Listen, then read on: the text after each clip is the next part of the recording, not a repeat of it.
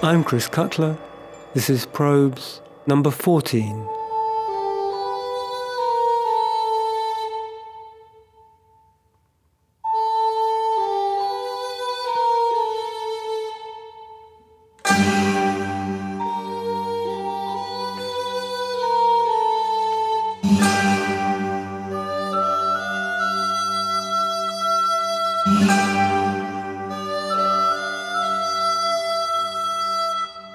As we saw in our last programme, although the renewal of interest in folk music paralleled almost exactly the revival of early music, both movements emerging at around the same time, and both being informed by the same sense of impending loss, the two eventually wound up in very different places. In this programme long footnote, I want to unpack the second folk revival a little further and consider it from an alternative perspective.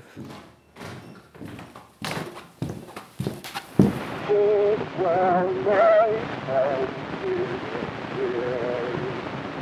Happy I've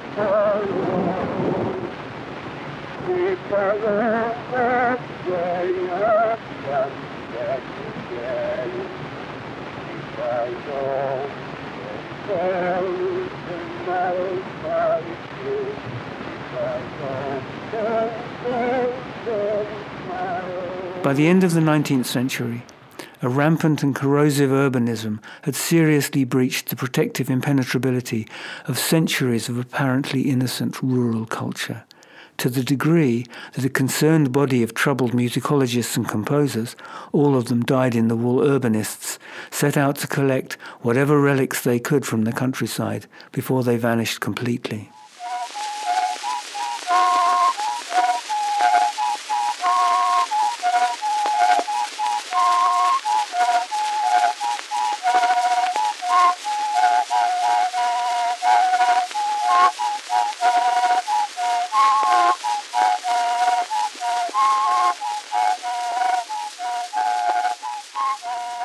Distinguished this initiative from those that went before it was the invention of the phonograph. The phonograph meant that it was now possible to take an accurate and incontrovertible transcription of any performance. So it's particularly interesting from our point of view that most collectors didn't actually see it that way. In fact, this is a textbook case of conceptual inertia. In musicological circles, paper remained the definitive medium of conversation. In the past, collectors had made field trips, winkled out singers who could remember the old songs, and then made their transcriptions in standard notation, correcting as they went along whatever seemed to them to be obvious mistakes or examples of musical incompetence, which usually, in fact, turned out to be beats that had been intentionally missed or added, natural harmonic tunings used in place of equal temperament, or some other deviation from the expected norm consciously made in the interests of expression or emotion. But with the phonograph, collectors could record the songs and therefore defer the work of transcription. That's how they saw it, at least. They continued to score and correct as before, but now at their leisure, using the recordings to interrupt the flow of time. Job done, the recordings could then be discarded, destroying precisely what the collectors were so anxious to preserve. Their problem was they weren't yet living in the age of recording. They couldn't think recording because for them, writing was still the imprimatur of truth. Writing had been percolated through the mind. Recordings were just mechanical copies. Of course, later, collectors would come to understand the positive power of the new technology and analyze what was actually going on rather than what they thought ought to have been going on. But that was still to come. In the late 19th century, composers especially were still thinking about rhythms and melodies, not sounds, and they were looking for new subjects and materials with which to invigorate their own compositional practice. So for them, folk music was not so much a way of being as a source of material. And this was the late 19th century, a time of nascent nationalism and the belief that some kind of renewal could be achieved by reconnecting with the unspoilt vitality of peasant culture and musical forms that had their roots in history, landscape, and the ceremonies of life. In Britain, one could cite Percy Grainger or Vaughan Williams, or a variety of first generation immigrants like Frederick Delius or Gustav Holst, all of whom collected folk songs and all of whom invested heavily in the idea of Britishness.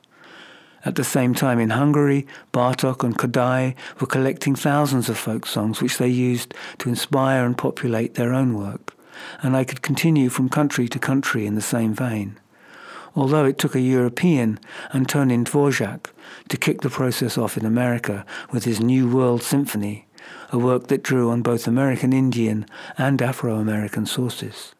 But this is not our topic. Our topic is what this research sets in train. In America, musicologically speaking, folk studies took much the same course as they did in Europe, but their outcomes were very different because America didn't have an identifiable folk culture. It had dozens of different folk cultures, mostly imported, and they were continuously and creatively miscegenating, or as one might say, Americanizing. These were living cultures, and the new and the old were all tangled up together. Folklorists tried to segregate what they thought was authentic from what they thought was profane. Some collected what generations of immigrants had preserved. Oh, I used to be a rambler, I stayed around in town. I used to be a rambler, I stayed around in town. I courted pretty Polly, such beauty never been found. Somewhat remained of Native American musical culture.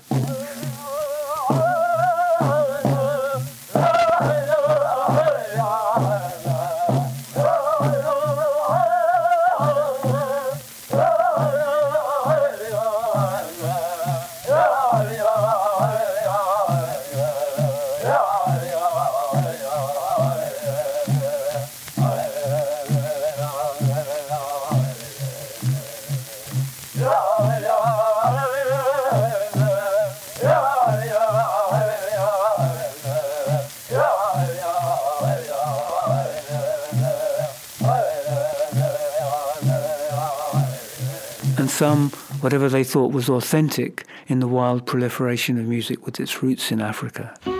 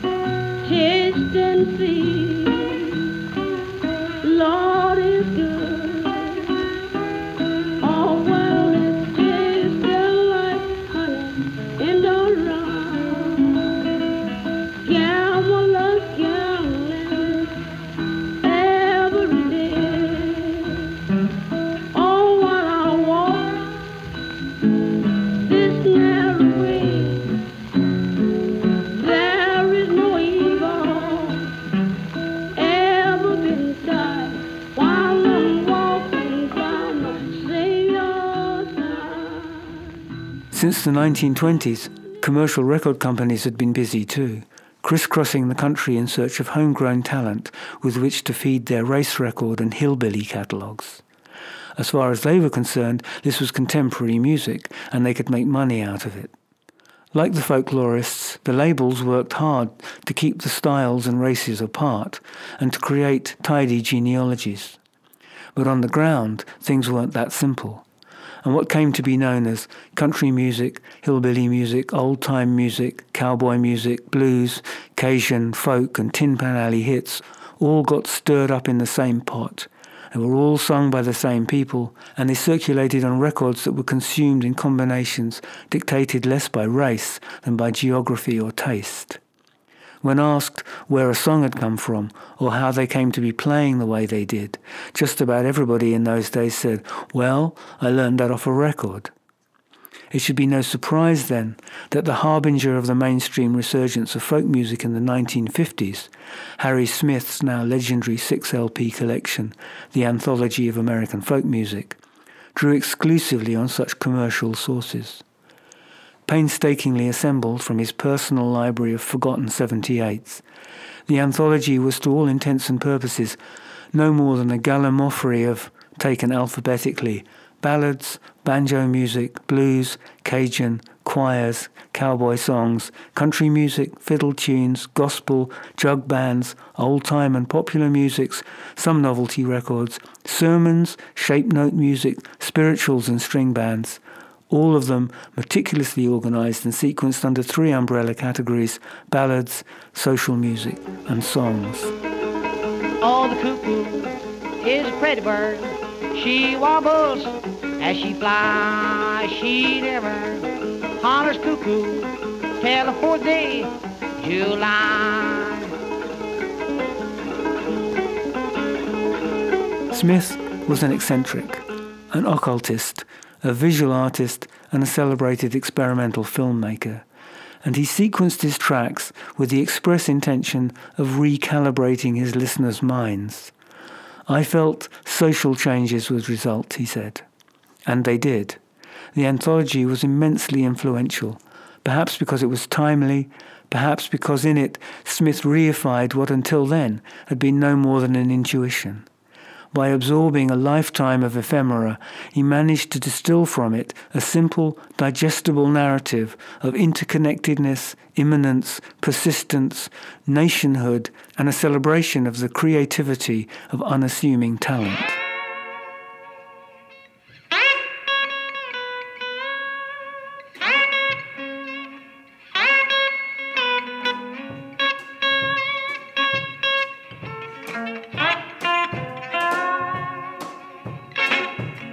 Like Roosevelt? Well, no kin. Why'd you like Roosevelt? Well, no kin. Why'd you like Roosevelt? Well, no kin. Lord God Almighty was a poor man's friend. Year of 1945, a good president laid down and died. I knew how all of the poor people felt. They received the message we lost Roosevelt. In his life, there were all indications that Warm Spring, Georgia, he would see salvation. Listen, friend, don't you rush. Elizabeth Shamanoff, she grabbed a brush, dipped it in water, and began to paint. Looked at the president and began to think. She never painted a picture for him at night. Knew that the president didn't look right. The time of day, it was 12 o'clock. Tell me that Elizabeth had to stop. Good God Almighty, she started too late.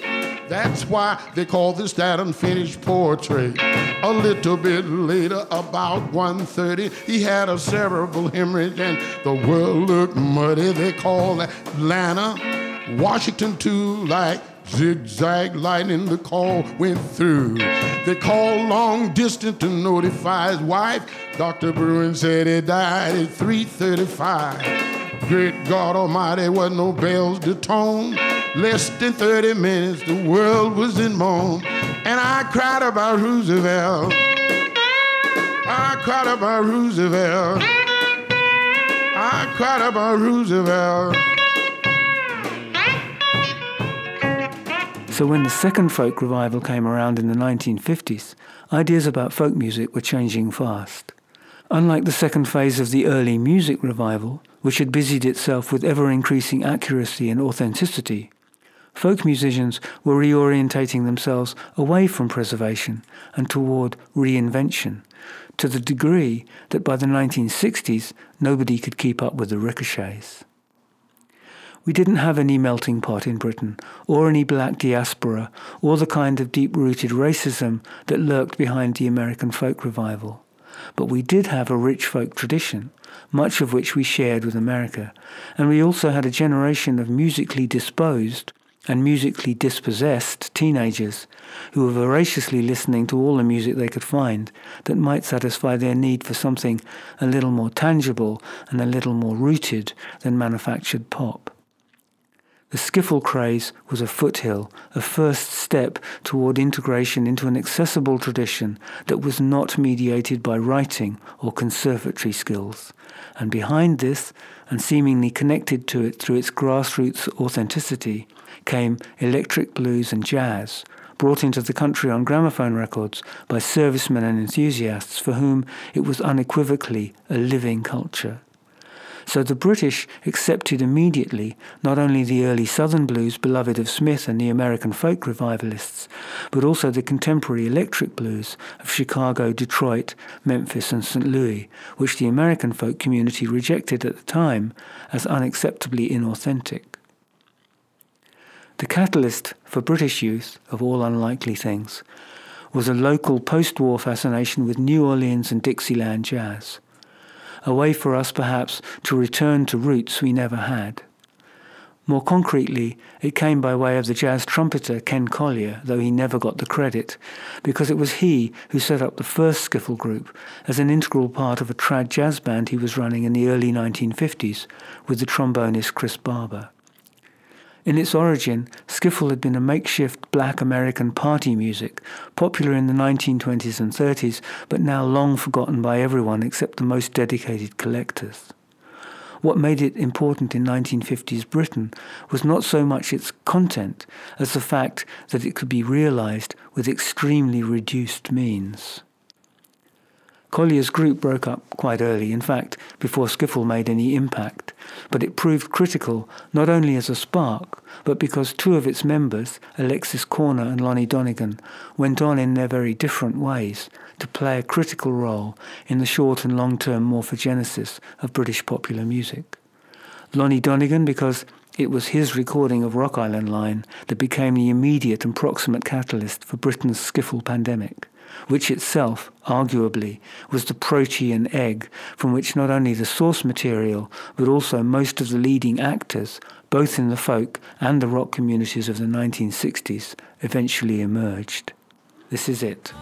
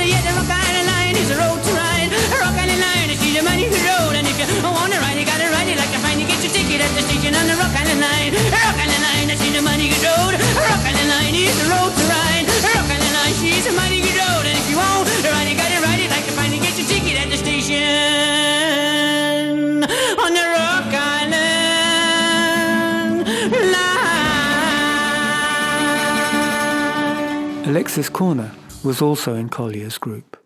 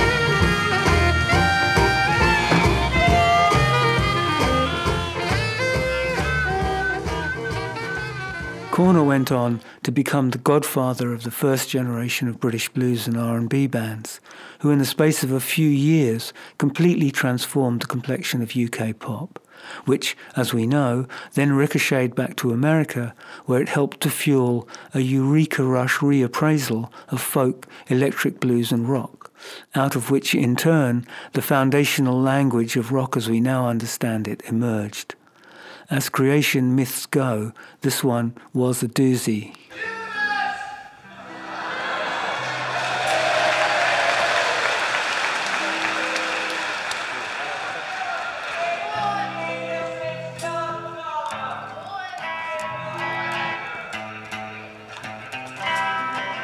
I don't believe you.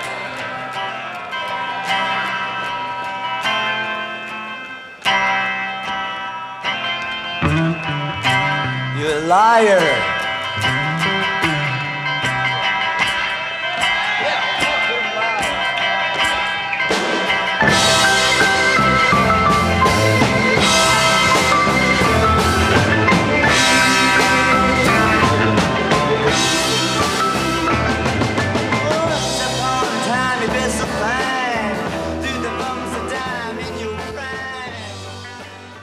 Let's set the scene. Here are the two top selling records of 1955. In America, it was Cherry Pink and Apple Blossom White by Perez Prado, a Cuban band leader living in Mexico.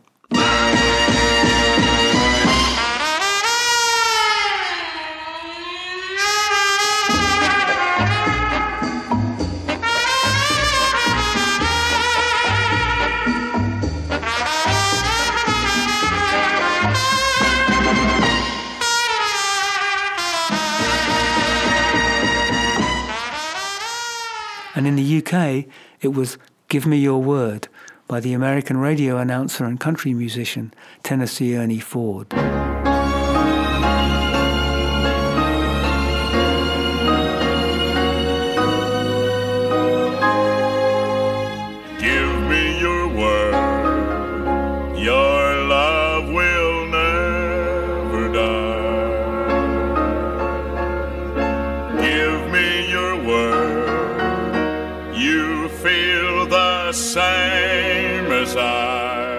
So far, so extremely anodyne. For an involuntarily urbanized generation of British teenagers trying to negotiate the privations and promises that characterized growing up in the chaos after the Second World War, this quasi rootless mishmash of musical hangovers and loose ends that passed for popular culture had very little to say that might express or address their teenage hopes and fears. With one brain, they were experiencing reconstruction, full employment, and universal welfare, and with the other, Big Brother, looming insecurity, and the terrors of potential nuclear annihilation. On these matters, pop remained as silent as it seemed inaccessible, because music was still understood then as a speciality of remote professionals or of people born with a natural talent. For British teenagers in these years, music was something you bought, not something you made. It was skiffle that changed that. Let's look at those 1955 charts again, in more detail this time and across the entire year. Nearly all of it is froth, middle of the road pop, dance music, show music, and leftover crooners from the 1940s. There's just a handful of exceptions in the whole year. Maybelline, Chuck Berry's first recording for Chess, Rock Around the Clock, an incendiary release by a middle aged comb over star Bill Haley, Tutti Frutti by the seriously transgressive Little Richard, and on our side of the pond, Lonnie Donegan's Rock Island Line, a song originally recorded for inclusion on a trad jazz LP until someone at Decca decided to punt it as a single. To everybody's shock, it sold over 400,000 copies and kick-started a four-year explosion of unprecedented grassroots music making. The song itself, whose author is still unknown, was first collected by folklorist John Lomax on a field trip to Arkansas in 1934. Three years later, a Lomax protege, Huddie Ledbetter, recorded his own arrangement of it, and it's this that Donegan copied. Bandleader Chris Barber played the bass on the record, singer Beryl Bryden scraped the washboard, and Lonnie Donegan strummed the guitar and sang. And that was it. A handful of chords, a bass made from a tea chest, broom handle and string, and your mum's old zinc washboard. No conservatory, no years of training, just instant music. And anybody can do it. That was the message that everybody understood. Here's Ken Colyer's band playing Midnight Special, the year before Rock Island Line came out. It's another Huddie Ledbetter version of an anonymous folk song about trains. If you ever go to Houston, man, you better walk right. And you better not quarrel. And you better not fight. Basin Brock will arrest you. Hayden and Boone take it down. And the judge is gonna tell you you're Sugarland bound. Let the midnight special a light on me. The midnight shine a table of. Skiffle's alumni went on to transform popular music. The Shadows, the Beatles, the Rolling Stones, The Who, Led Zeppelin, they all started out in skiffle groups. And while Lonnie Donegan continued to draw his repertoire from the same sources as the Anthology of American Folk Music, most of the skiffle hits of the 1950s were in fact newly coined. Skiffle was the key not to a rather specialized repertoire revival, but to a root and branch restoration of informal, social, low tech, and essentially collective music making. And in a form, what's more, that positively empowered untrained amateurs. More than that, intuitive pre-literate cultural values seemed suddenly to have acquired serious traction since they seemed miraculously pre-adapted to the new and primarily oral ecospheres of electrification and sound recording. So while the old guard struggled, or at least tried to soldier on, the new know-nothing generation was busy intuiting the rules from the game itself. Freight train, freight train, going so fast.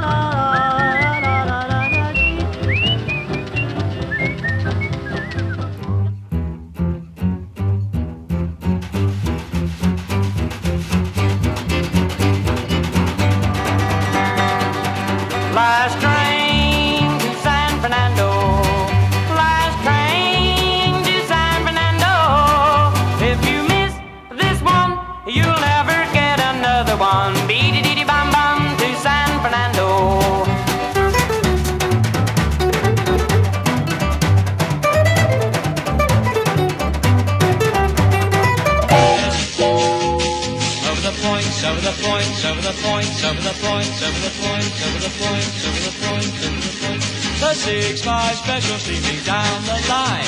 Six five special right on time. Coal in the boiler, burning up bright. Rolling and a rocking through the night.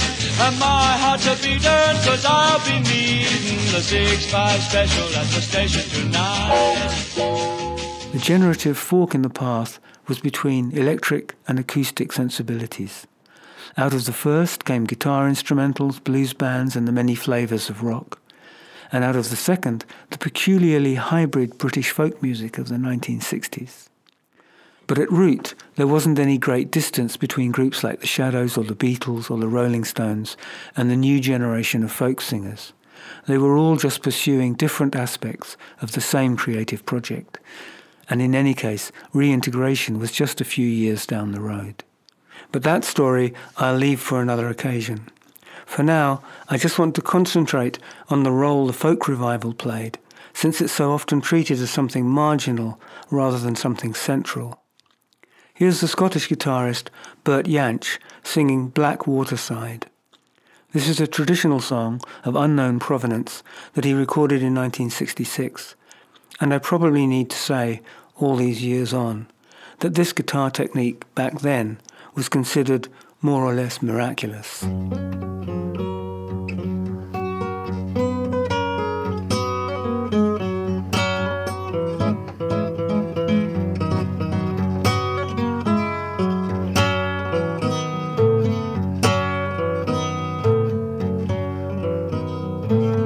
One morning fair, I took the air down Blackwater side. Twas in gazing off all around me, the Irish lad I spied.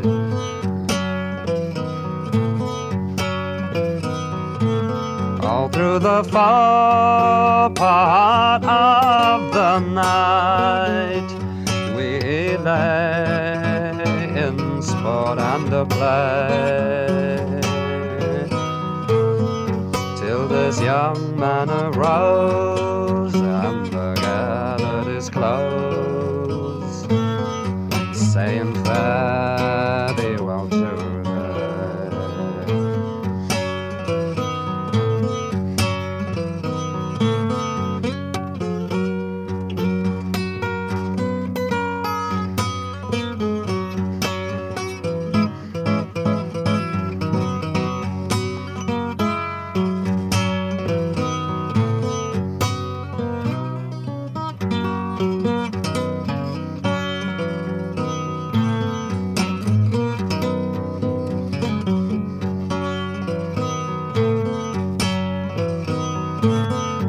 not the promise that you gave to me when first you lay on my breast.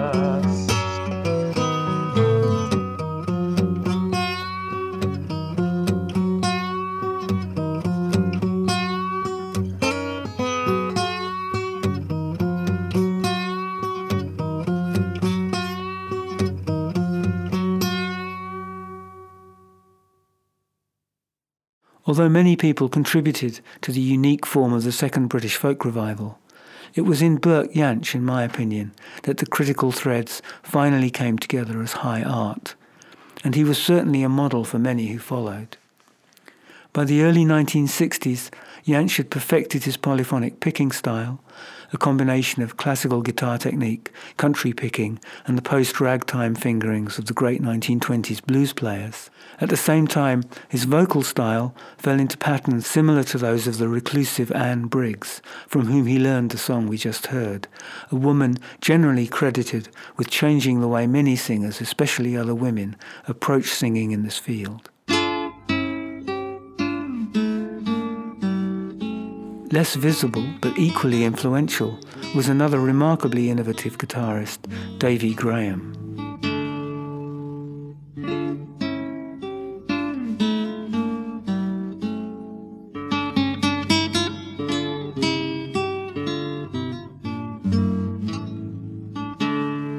Baroque music, an influence decidedly absent in the American folk revival, was present from the outset in the British, firstly through the pioneering guitarist Davy Graham, and then through Bert Jansch's perennial collaborator John Renbourn.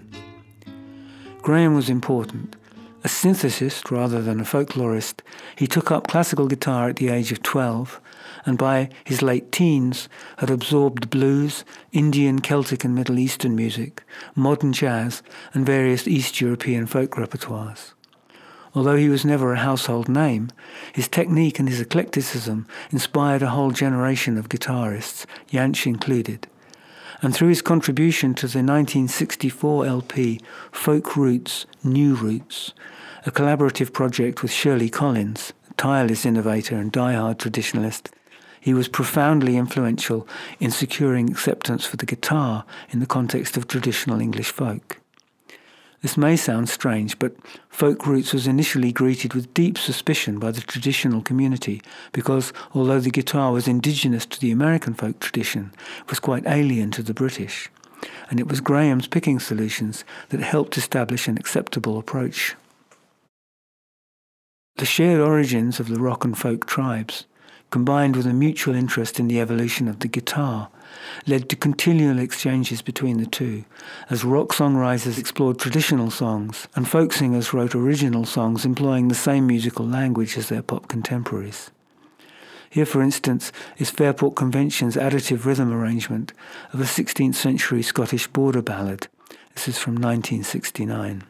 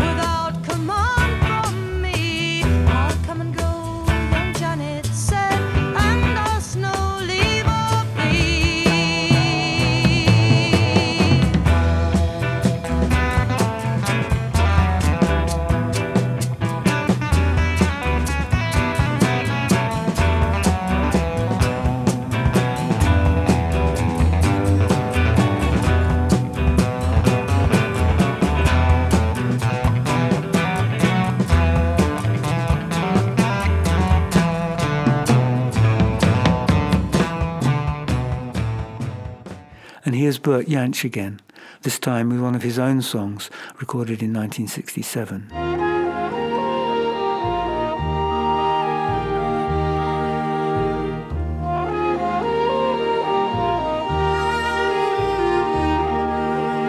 Whoa, is love, my dear. If you do ask, I'd give you any gift I have. For any gift I have, I'd give to all who ask. Whoa, is love, my dear. And if you do ask me what gift I want from you, I'd smile and say there's only one I do require. Whoa, is love, my dear. Whoa, is love, my dear. Love, my.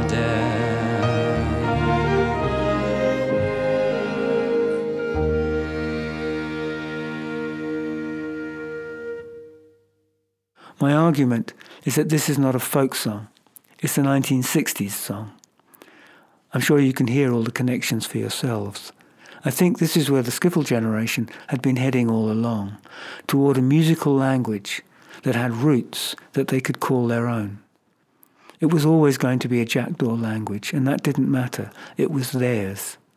Jansch was as happy to sling an electric guitar around his neck as Led Zeppelin were to release their own, I have to say, blatantly plagiarized version of Jansch's version, of Anne Briggs's version, of Mary Doran's version of the traditional ballad Black Waterside. Here they are.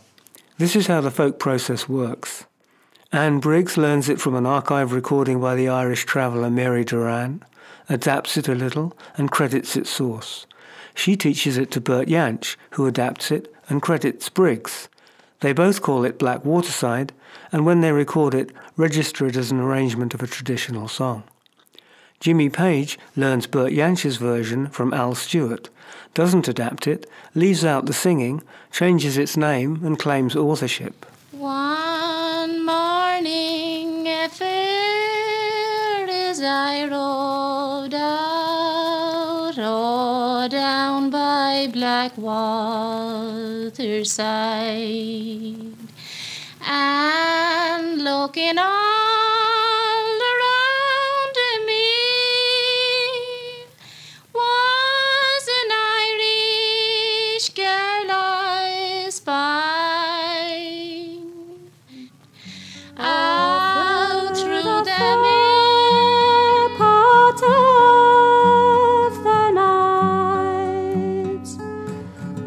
while we lie and sport and play. Then this young man he arose and he gathered his clothes. He said, Fare thee well today. Well, that's, not, the promise that you gave to me when first you lay on my breast. You could make me believe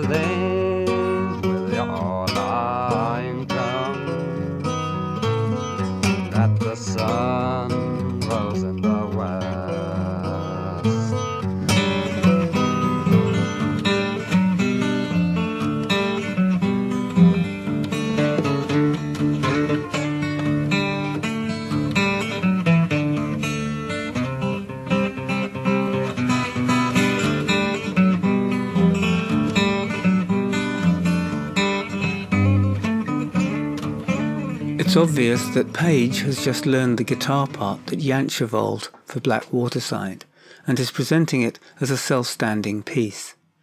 He makes no meaningful addition or contribution. In fact, he plays it more clumsily than Jansch, even though he doesn't have to sing at the same time. While the melody is in the public domain, as you can hear from the montage, the guitar part is 100% Jansch's invention. The fact that Page breaks the chain and claims authorship tells us two things. First, that the brief interregnum of a grassroots collectivist folk spirit is over. And second, that the markets are firmly back in charge. Lacking a geographical root, it was in the virtual neighbourhood of sound recording that this emerging group of folk artists, by which I mean musicians who learned by contagion and imitation rather than through formal training, had grown up, surrounded by an unprecedented quantity and variety of the world's music. By the mid 1960s, three quarters of a century's worth of sound recordings had accumulated to form a vast and potentially universally accessible reservoir of material from which anyone could draw and to which anyone, simply by recording, could contribute.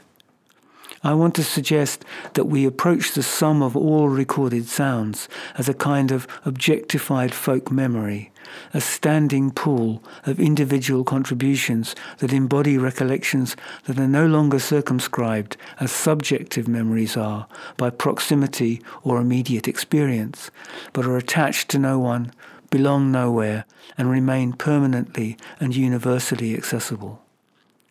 Obviously, this is a medium that offers less to disciplines mediated by writing than it does to those mediated by listening, imitation, and appropriation. That's why then, I think, and that's why them. This was the first generation to understand the totality of recordings as a bulletin board, a marketplace, an archive, a university, a neighborhood, and a meeting place, and then to set out consciously to probe its possibilities.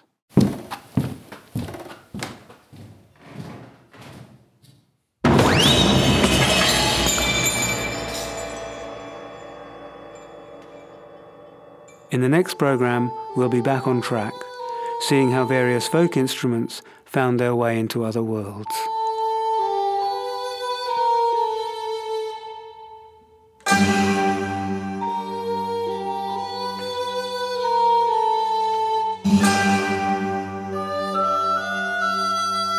I'm Chris Cutler. This has been Probes.